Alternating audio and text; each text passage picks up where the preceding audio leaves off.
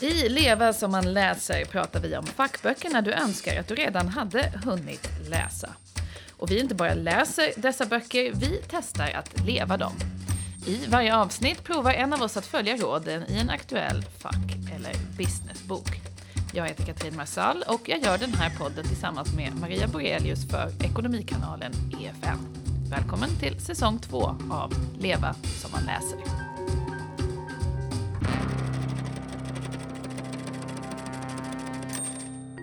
Vilka är de vanligaste felen folk gör i karriären och affärslivet? Den norske hotellmiljardären Petter Stordalen har precis kommit med en ny bok som har blivit en bästsäljare i både Sverige och Norge. Och där ger han råd som går lite på tvären. I dagens Leva som man läser diskuterar vi om man kan lära sig älska måndagar mer än helger, varför kondomstrategin alltid misslyckas och hur man klättrar ner från det som han kallar för Mount Stupid.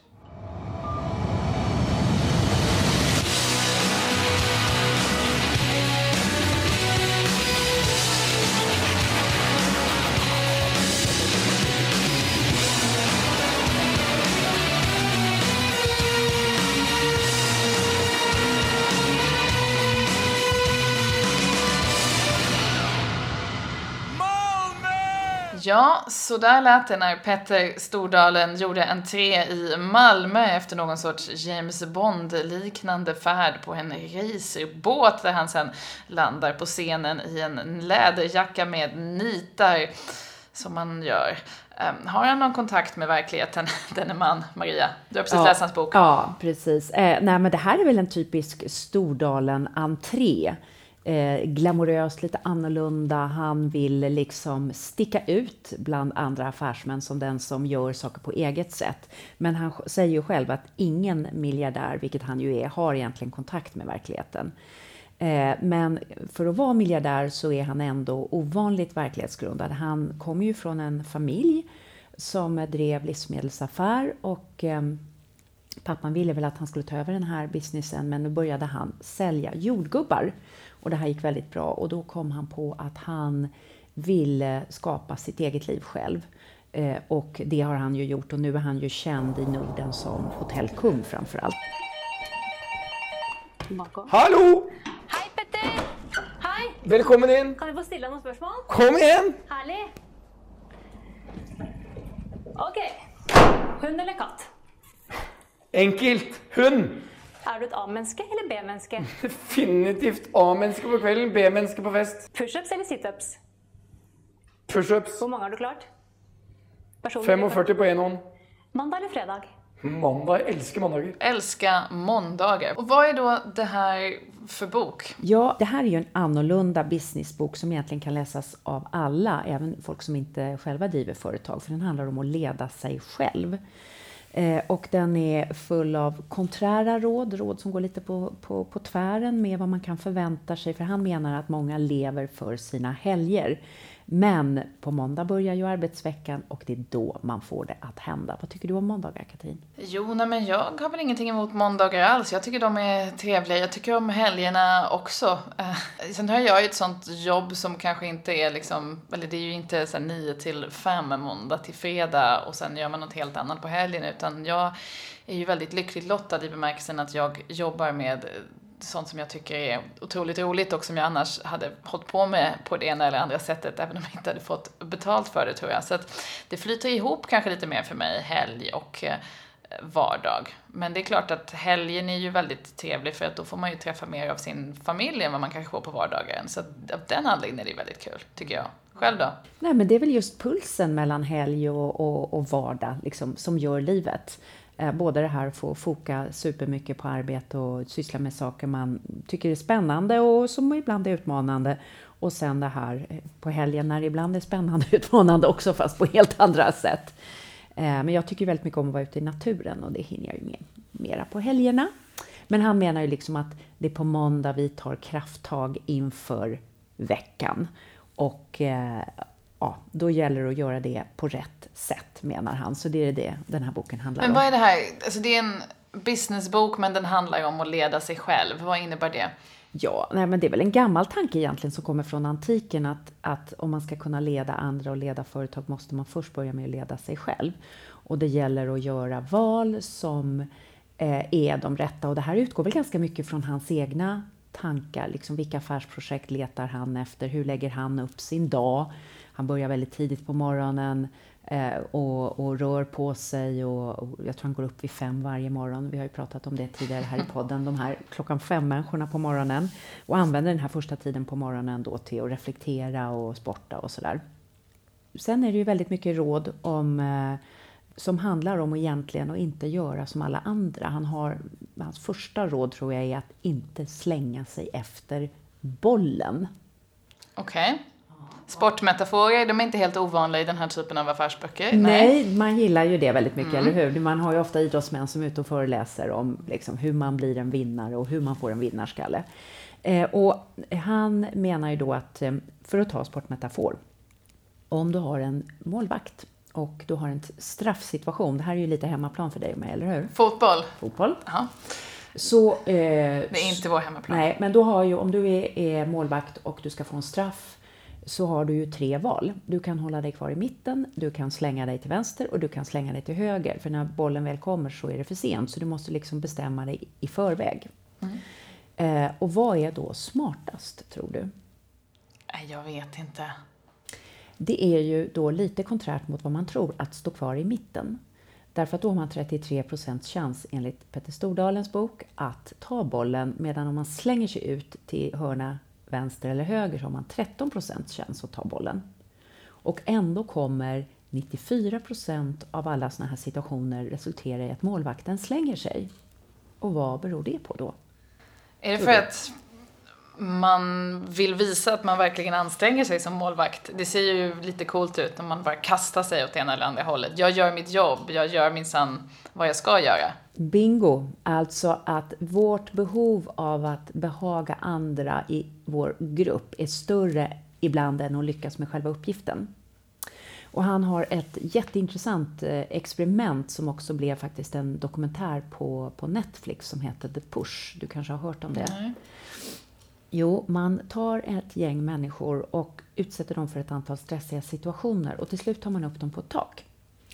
Eh, och där sitter en gammal man vid kanten av taket och så säger man, så hade man fyra försökspersoner och säger till dem att om ni puttar ner den här mannen från taket så kan ni rädda hundra barn i Afrika från att dö.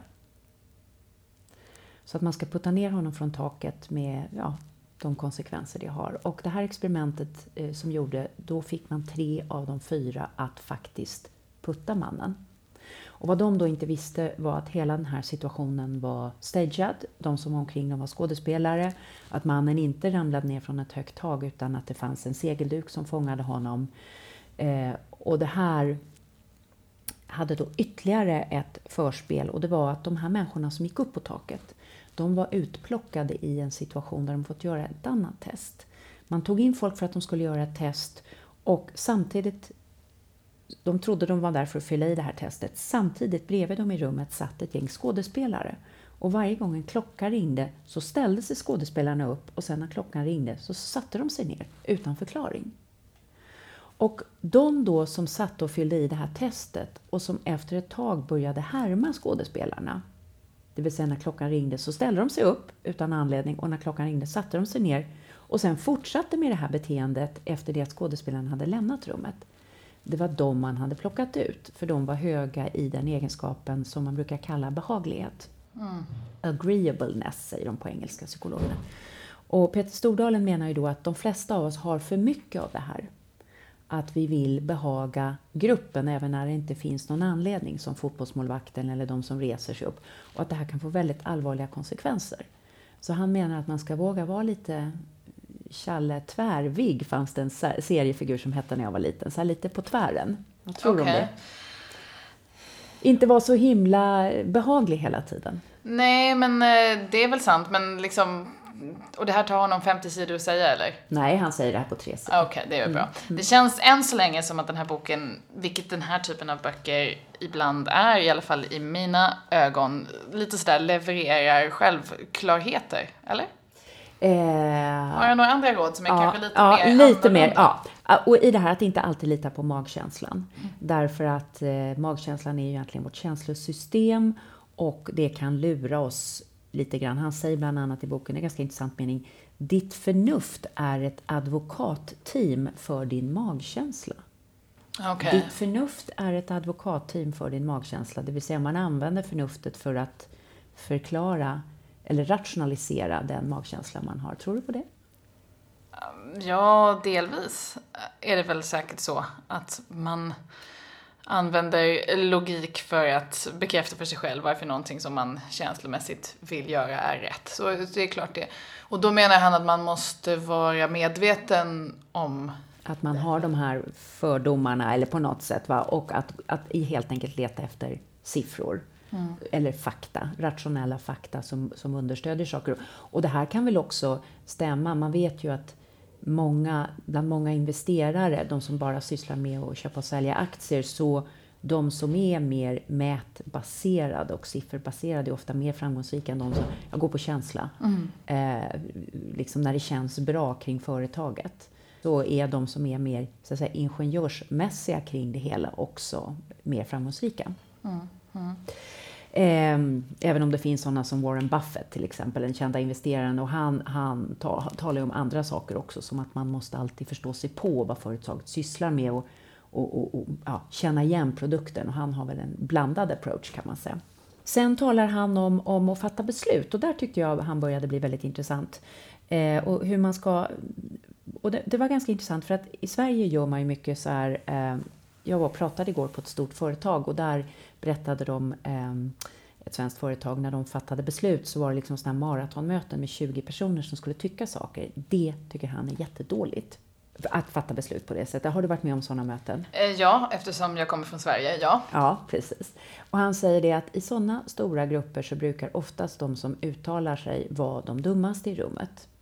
Eh, och han kallar det för att hamna på Mount Stupid. Det vill säga man, de som är mest tvärsäkra på vad de tycker är ofta de som kan minst om det. Eh, medan folk som kan mer om saker är ofta mer nyanserade i sin uppfattning. Och sättet att få alla deras åsikter är att gå runt till alla de här 20 man skulle vilja ha i rummet och prata med var och en. Mm. Ja, men det här kan nog stämma. Det, det, ja, det stämmer ju ofta det där att, ja men att de som har väldigt enkla uppfattningar som lätt går att uttrycka i ett möte också kommer vara de som uttrycker dem i ett möte. Och då är det klart att man kanske får en, en felaktig bild om man ska fatta ett beslut utifrån vad folk säger. Runt Så det här bordet. tyckte jag var en liksom, smart strategi för förankring, det personliga samtalet. Och då tänker jag ofta mycket hur styrelsearbete går till. Alltså duktiga styrelseordförande är ofta så att de ringer runt till varje styrelseledamot innan mötet. Och liksom, vad är det frågor du tycker är viktiga? Vi ska ju prata om det här. Hur ser du på det? Så man har liksom förberett lite grann och tagit in synpunkter. Eh, Och han pratar här då om motsatsen, som, motsatsen till den här förankring, vare sig man gör i stor grupp eller individuellt. Och det är vad man kallar kondomstrategin. Okej. Och då är liksom, hur rullar man på en kondom? Ja, ska vi gå in på det nu? Eh, nej, men vi kan bara lämna folk med den bilden. Det är ju lite uppifrån ner. Ja. Och där... Eh, han menar att eh, det traditionella auktoritära sättet är ju bara att rulla på besluten som en kondom. Som bara ska sitta på företaget som en liksom, då, gummibubbla. Ja, här är vår nya strategi. Här är vår nya strategi, boom, do Ja. it. Och det funkar inte heller. Så att just det här att gå runt, prata med var och en. Det tänkte jag också när jag läste, liksom, det kan vara en förklaring till att många som jobbar i småföretag känner sig mycket mer delaktiga. Därför att där har cheferna tid att gå runt. Det. Går hela tiden runt och pratar med folk. Ja. Där lärde jag mig något i alla fall, gå runt och prata lite mer. Och sen tycker han, eh, tråkigt för dig som skriver för en stor eh, svensk morgontidning, att man ska läsa mindre tidningar. Vad Varför då? det? Nej, men det tycker jag inte alls. Det tycker du inte alls. Nej, men han tycker att det blir väldigt mycket brus i tidningar. Man glömmer bort det som är långsiktigt viktigt för det som liksom kommer här och nu den här dagen. Håller du med om Okej, nej men det, jag kan förstå vad han menar. Jag tycker dock inte morgontidningar är skyldiga till detta. Um, jag skulle väl mer säga att Twitter och den typen av saker uh, kan leda till att man får för mycket brus i hjärnan och inte kan skilja skogen från träden. Nu när man har det här nyhetsflödet som pågår 24 timmar om dygnet så är Ska man följa varenda tur till exempel gällande Donald Trump i USA, då sitter du ju fast hela tiden. Um, och det blir svårt att så att säga få den här större bilden av vart världen egentligen rör sig som man kanske då behöver ha delvis om man ska leda ett företag eller vara journalist som, som jag eller, eh, eller bara vill, vill förstå som, som medborgare. Så det tror jag väl snarare att det här är väldigt, de här snabba nyheterna och det är lätt att fastna i varenda detalj i någon story är farligt och att det kan finnas en stor poäng av att stänga av det där. Och det är lite som, kan jag tycka ibland med Twitter, som ja, men du vet, Dallas eller den här typen av gamla såpoperor. Att liksom, även om du missar sju eller åtta avsnitt för att du är bortrest eller någonting och sen du kommer tillbaka så är det ändå extremt lätt att följa vad som händer för att egentligen ja, har inte så mycket hänt trots att på ett annat plan har väldigt mycket hänt. Och lite så kan jag tycka att det är med, med mycket, många delar av nyhetsflödet och jag själv brukar försöka att stänga av vissa delar av det för att kunna då bli bättre på att sålla och bli bättre på mitt jobb. Hur gör du själv? Jag läser mycket tidningar, men för mig är det ett sätt att eh, hålla mig eh, öppen för vad olika åsikter. Så jag försöker läsa, till exempel, vi bor i Storbritannien bägge två, både tidningar som ligger till höger och som ligger till vänster. Eh, för att eh, engelska tidningar har ju det här opinionsmaterialet krypt in mycket mer på, på nyhetsplats. Eh, och eh, ja, jag är alltid, jag ligger ju högt på den här som man kallar för openness öppenhet i huvudet. Jag, har, är alltid nyfiken på hur folk tänker som inte tänker som jag själv. Mm. Um, och jag tycker att jag får det bäst genom tidningar. Men sen läser jag, jag läser mycket överhuvudtaget, jag läser böcker också. Men du, vad jag är nyfiken på nu eh, när man mer och mer digitaliserar innehållet i tidningarna och kan mäta läsintresse. Är det så att det som har högst läsintresse, är det här korta flyktiga eller är det de långa linjerna? Vad, vad, ser, vad ser man där? Nej men det finns ju definitivt inom journalistiken en rörelse mot och en efterfrågan på det längre och det förklarande. Uh, och det är ju också det som, även rent affärsmässigt så för mediebranschen så är det väldigt viktigt med folk, för folk att eller för mediebranschen att kunna visa för annonsörer att läsarna inte bara klickar på materialet utan att de stannar kvar och faktiskt läser det. Så, så lästid, alltså tiden du spenderar i, på en sida och på att läsa en viss artikel är ett väldigt viktigt mått nu för tiden. Och det premierar ju en annan typ av texter än för ett par år sedan till exempel. Och, det, mm. och jag tror också när människor lever i det här ständiga bruset så ökar efterfrågan på att få saker och ting satt i perspektiv och förklarat. Och också på, bara på texten på du vet, det goda språket. Ytterligare ett råd han har då eh, är att man ska byta ut sina vänner om okay. de inte lyfter en. Det här låter ju ganska hårt. Byta ut sina vänner om de inte lyfter en. Alltså hur menar han då? Alltså i karriären om jag har någon kompis som bara, när jag kommer med en massa idéer så sitter hon eller han och bara säger att de är dåliga och att eh, ingenting spelar någon roll och Alltså en, en, en, hård tolkning av vad han säger är ju att man liksom ska gå igenom vänlistan ungefär som man gör med ens investeringar. Så här, det här är minus, det här är plus. Eh, och, eh, och en välvillig tolkning av det han säger är kanske lite mer så här Jo, men om folk ger dig dålig energi och, och inte vill dig väl så ska du också ja, ha modet att liksom kunna släppa iväg dem. Men man pratar ju ganska mycket i den anglosaxiska världen numera om ghosting. Och jag har hört att folk har börjat säga det i Sverige också. Vet du vad det är? Ja, man det, ghostar folk. Ja, det är väl att eh, om jag helt enkelt inte vill vara eh, kompis med dig med Maria så slutar jag bara svara på all kontakt från dig, eller hur? Har du varit med om det någon gång? har du blivit ghostad? Jag har faktiskt blivit ghostad. Jag har faktiskt ja. blivit ghostad av en nu ex-kompis då. Um, det, det, har hänt ja. mig. Det, det är ganska traumatiskt faktiskt. Ja, måste... För man får inga svar. Varför vill du inte vara kompis med mig Nej. mer? Va, vad hände? Har jag gjort någonting? Är det någon stor världskonspiration bakom det här? Ja. Du får aldrig några svar. Nej. Personen bara slutar höra av sig. Ja. Och eh, det har ju varit mycket diskussioner i Storbritannien där vi bor om Meghan Markle, prins, prinsessan, som ju är känd för att ha ghostat ett antal människor, eller de påstår det. Jag har ingen aning om om det är sant eller inte. Mm. Eh, och... Eh, och Petter Stordalen ghostar också folk? Han, han ghostar eh, folk som, eh, som, eh, ja, som han tycker inte ger honom bra energi. Och eh, jag vet inte vad man ska tycka om det. Alltså det finns ju en skola och jag, jag kan se hos en del så här framgångsrika affärspersoner som jag känner som just säger att min styrka det är eh, att jag har kvar mina gamla kompisar från Varberg som liksom var med mig hela vägen. Eh, och det gör att jag är rotad i det vanliga livet. Eh, och jag har också sett andra framgångsrika affärspersoner som flyttade från den här lilla stan någonstans i Sverige och eh, till och med bytte namn eh, och liksom tyckte att allt det här gamla livet bara var pinsamt. Och, eh, och sen när de blev, eh, ja, råkade ut för en sjukdom och, och dog så var, kom liksom allt det här bara tillbaka över en. Att ghosta hela sitt gamla liv kan bli väldigt traumatiskt också. Men eh, jag vet inte, min egen reflektion är väl att någon slags bra balans.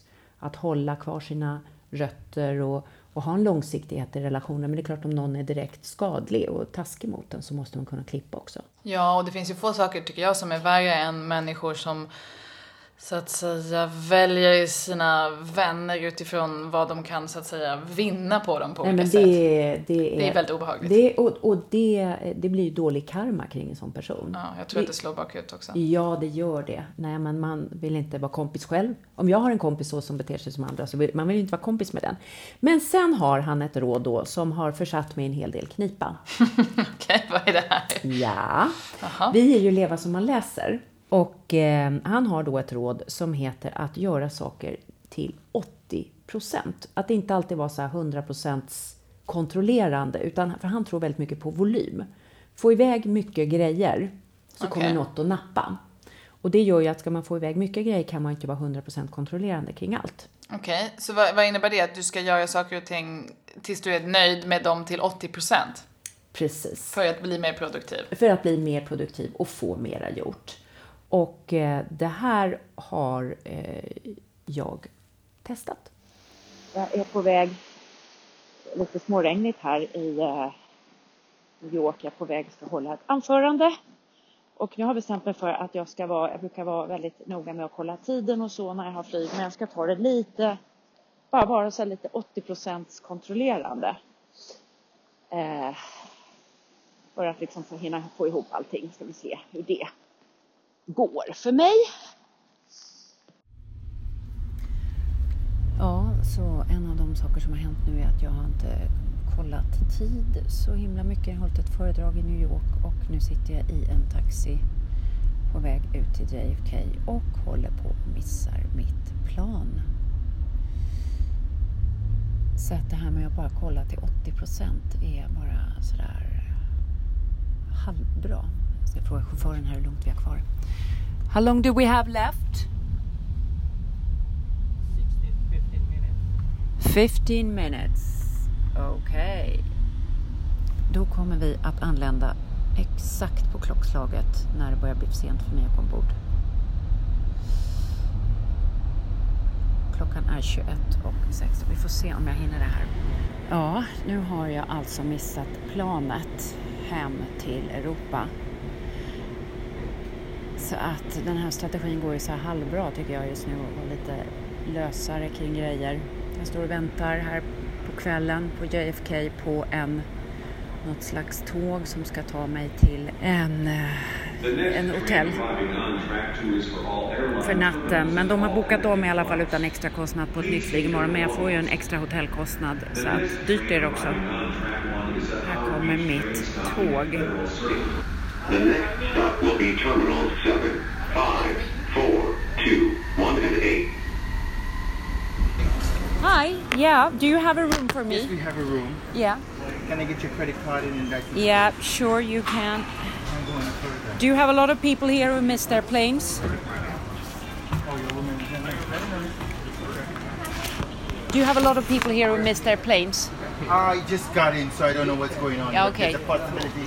I lot of people Yeah, coming in now. yeah, yeah.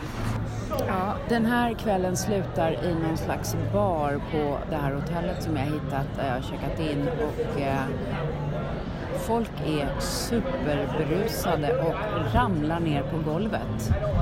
Jag vet inte vad som händer. Men jag säger att Petter Stordalens 80% experiment har inte fallit ut jättebra eh, hos mig. Eh, men jag kanske har missförstått vad han har menat. Men eh, ja, jag tror jag får gå tillbaka till mitt gamla sätt. Ja, Maria, det där gick ju inte så bra. Det där var en fullständig katastrof för mig. Och det var intressant för först i början här så pratade jag ju om det här rådet med min brorsas barn, 9 och 11 år. Är det bra att inte alltid vara så himla perfektionistisk, att göra saker så här, ja, lite mer avslappnat? Vad säger du Stellan? Jag tycker att det är ehm, bra för några personer om de ehm, kanske ehm, vill prova olika saker, kanske inte har det så kul. Kanske det är bra. Men om man har det bra och tycker vad man gör är bra så kanske man ska fortsätta försöka göra det bättre. Så att, Ja, så det är alltid... Ja, men det, det var ganska klokt. Så du, om man redan är bra på något ska man försöka göra det så 100 procent? Man är fortfarande, om man redan gillar något. Ja. Medan om man inte gillar så ska man switch it up, liksom byta. Byta och kanske Prova våga. saker. Ja, ja, men bra. Nej, jag tycker, jag tycker det är fel. Varför det? Ja, därför att eh, det är... Eh, det är tyvärr inte den värld vi lever i. Utan man måste vara riktigt duktig på det man gör. The 10,000 hours tror jag är mycket mer. Jag tror det är mycket bättre strategi. Satsa stenhårt. Ja. Och göra få saker bra än att Mm. göra mycket Mm. ja, bra. Mm. Och sen är det nog så att det är roligare att göra eh, många saker lite halvbra. Men om man, ska, men om man, vill, bli- om man vill bli riktigt, riktigt duktig så måste man liksom sträva efter över 100 procent. Fotbollsspelare, hur är de? Mm, de strävar ju efter en grej. 100 procent. 100 procent. Precis, det är absolut 100 procent. För det är typ flera miljoner personer som är så här, och bara så här, eller som är typ, ja, som man kan välja ifrån och så måste de liksom. Det finns massor med människor som är 95 procent. Massor. 98 procent också. Men det är jättefå fotbollsspelare som liksom är 100. Och det är de som, det är de som lyckas. Liksom. Det är så. Tack för synpunkterna. De tyckte det var ganska bra. De såg det som en sån här sportgrej. Att, ja, men om man bara är 80% bra på en sport, då kan man prova en annan sport. Och det kan vara bra när man provar sporter. Men sen när man hittar det man är bra på, då ska man köra 100% De var ju kloka. Men sen som sagt när jag provade det här och eh, missade mitt plan. Ja. Eh, och det liksom kostade mig 200 dollar för att övernatta på ett hotell på JFK. Ja. Alltså plan är ju något sånt som man måste så att säga vara Ja, 100%, 100 ja, i tid. Det räcker inte vara 80% i tid till ett flygplan. Ja, men jag tänkte jag skulle vara lite mer så här floaty, hela Ja, känslan ja, ja. kring det istället för att sitta och titta på klockan. Mm. Och det gick ju eh, åt helvete. Men jag fick ju se ett hotell då å andra sidan där folk låg i baren och det har jag faktiskt aldrig sett förut. Äntligen måndag, äntligen tänkte du. måndag! Precis, när det äntligen fredagskänsla. Det var fredagskänsla på måndagen, det var det det var. Ja. Men du, jag, jag kan inte sluta tänka på det här. Alltså, vad är egentligen poängen med den här boken? Det känns som det finns väldigt många av den här typen av böcker. Kanske inte skrivna av just miljardärer från Norden, men dock skrivna av manliga miljardärer från USA och Storbritannien och andra delar av världen. Vad är speciellt med den här? Jag tror att det är, är det innehåller jag sa ju till dig, jag fick en del tankar. Tyvärr Mm. fick jag en, en liten nota på 200 dollar också. Ja. Eh, vilket jag får ta på mig själv naturligtvis, inte lägga på Petter Stordalen. Men, ehm, Skicka faktura. Nej, det ska jag absolut inte göra. Men jag tror att det här bidrar till att sätta bilden av Petter Stordalen som en, eh, en annorlunda tänkande. Den är väldigt publikt skriven, vem som helst kan läsa den här boken. Man behöver inte ha läst eh, nationalekonomi eller ha någon eh, företagar eh, erfarenhet. Man kan läsa det här som skolledare eller så. Så det sätter bilden av en, en ganska humanistisk, eh, humoristisk, eh, annorlunda företagsledare och investerare. Och det kanske är bilden också. Han har, driver ju hotell Mm. eh, och, och ja, bygger sitt varumärke på Det det, är här varumärkesbyggnad det här. Det kan vara en del av det, men jag tycker han har en del att säga alltså det, som också är, får, får en att tänka efter. Ja, varumärkesbyggnad. Han har ju också gett sig in i bokbranschen, Mm. eller hur? Det är förlaget eh, i Norge, går, är det ett eller flera förlag? Det är ett. Ja, det, är ett, det är ett hus som har ett antal Strawberry Publishing. Mm. Strawberry, allting heter ju på Strawberry, för han började ju med jordgubbar och sälja jordgubbar. Så det är, eh, under den hatten så att säga så ligger ett antal mindre förlag. Och jag, jag kan lika gärna säga då här att min bok Hälsorevolutionen kommer ut på hans eh, norska förlag. Eh, Så jag har varit där och träffat dem. Men det här är intressant. Nu lanserar han förlag i Sverige också. han förla- lanserar i Sverige också och eh, det är ju där den här svenska boken kommer ut. Och då är det intressant att när alla andra investerare som tjänar mycket pengar på ett område som han har gjort på hotell, då vill de gärna gå in och investera i tech. Det är ju det alla pratar om nu. Men han tänker tvärtom. Man ska investera i branscher som är gamla, som är mogna, där inga nya pengar kommer. Och vad har han då fått ögonen på? Jo, förlagsbranschen. Eh, Och det här är lite typiskt för honom. Det kommer några gamla vänner till honom med en idé om att eh, ta över saker, starta saker och så hoppar han på det och ser just att här finns möjligheter för mig med mitt annorlunda sätt att driva företag och gå in och göra något nytt. Eh, så det är väl lite att han lever som han lär. Och nu har han gått in i Ving.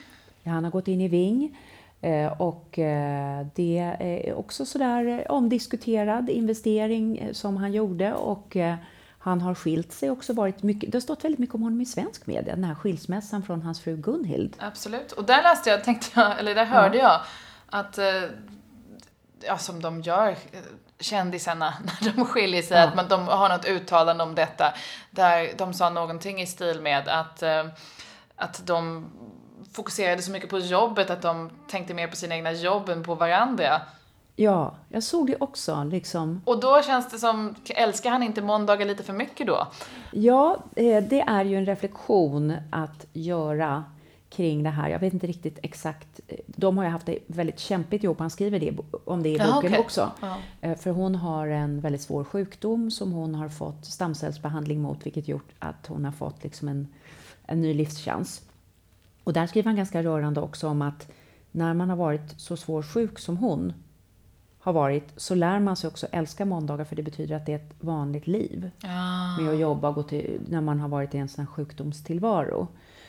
Så ehm, det kan jag också förstå att efter en sån upplevelse så, så blir vardagen någonting att sträva efter, efter svår sjukdom. Och det tror jag många känner, exempel som har genomgått en cancerbehandling och så får man komma till tillbaka till jobbet. Då blir måndagarna extra värdefulla. Vem ska inte läsa den här boken och vem ska läsa den? Eh, om man är superprovocerad av blinggrejer. eh, om man är liksom en jättesofistikerad managementboksläsare som håller på att läsa olika Harvard-människor så kommer man nog tycka att det här är kanske nybörjarartat. Eh, och om man, eh, om man är väldigt konformistisk kommer man bli irriterad på den här boken.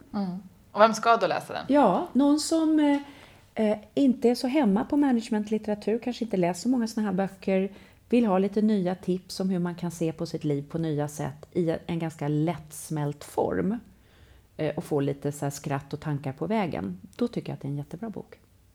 Ja, det var alltså Äntligen vardag, älska måndagar och uppnå dina mål av Petter Stordalen. Du har lyssnat på Leva som man läser. Jag heter Katrin Marsall. Mm, och jag heter Maria Borelius och vi får väl säga på norska farväl. Ja, det vågar jag inte säga. Mitt uttal kommer vara för dåligt. Säg det igen du. Eh, jag får säga, ja men hej då. Du har hört Leva som man läser. Nästa avsnitt släpps om två veckor. Ansvarig utgivare är Anna Fagerström. Och Leva som man läser görs av EFN, Ekonomikanalen.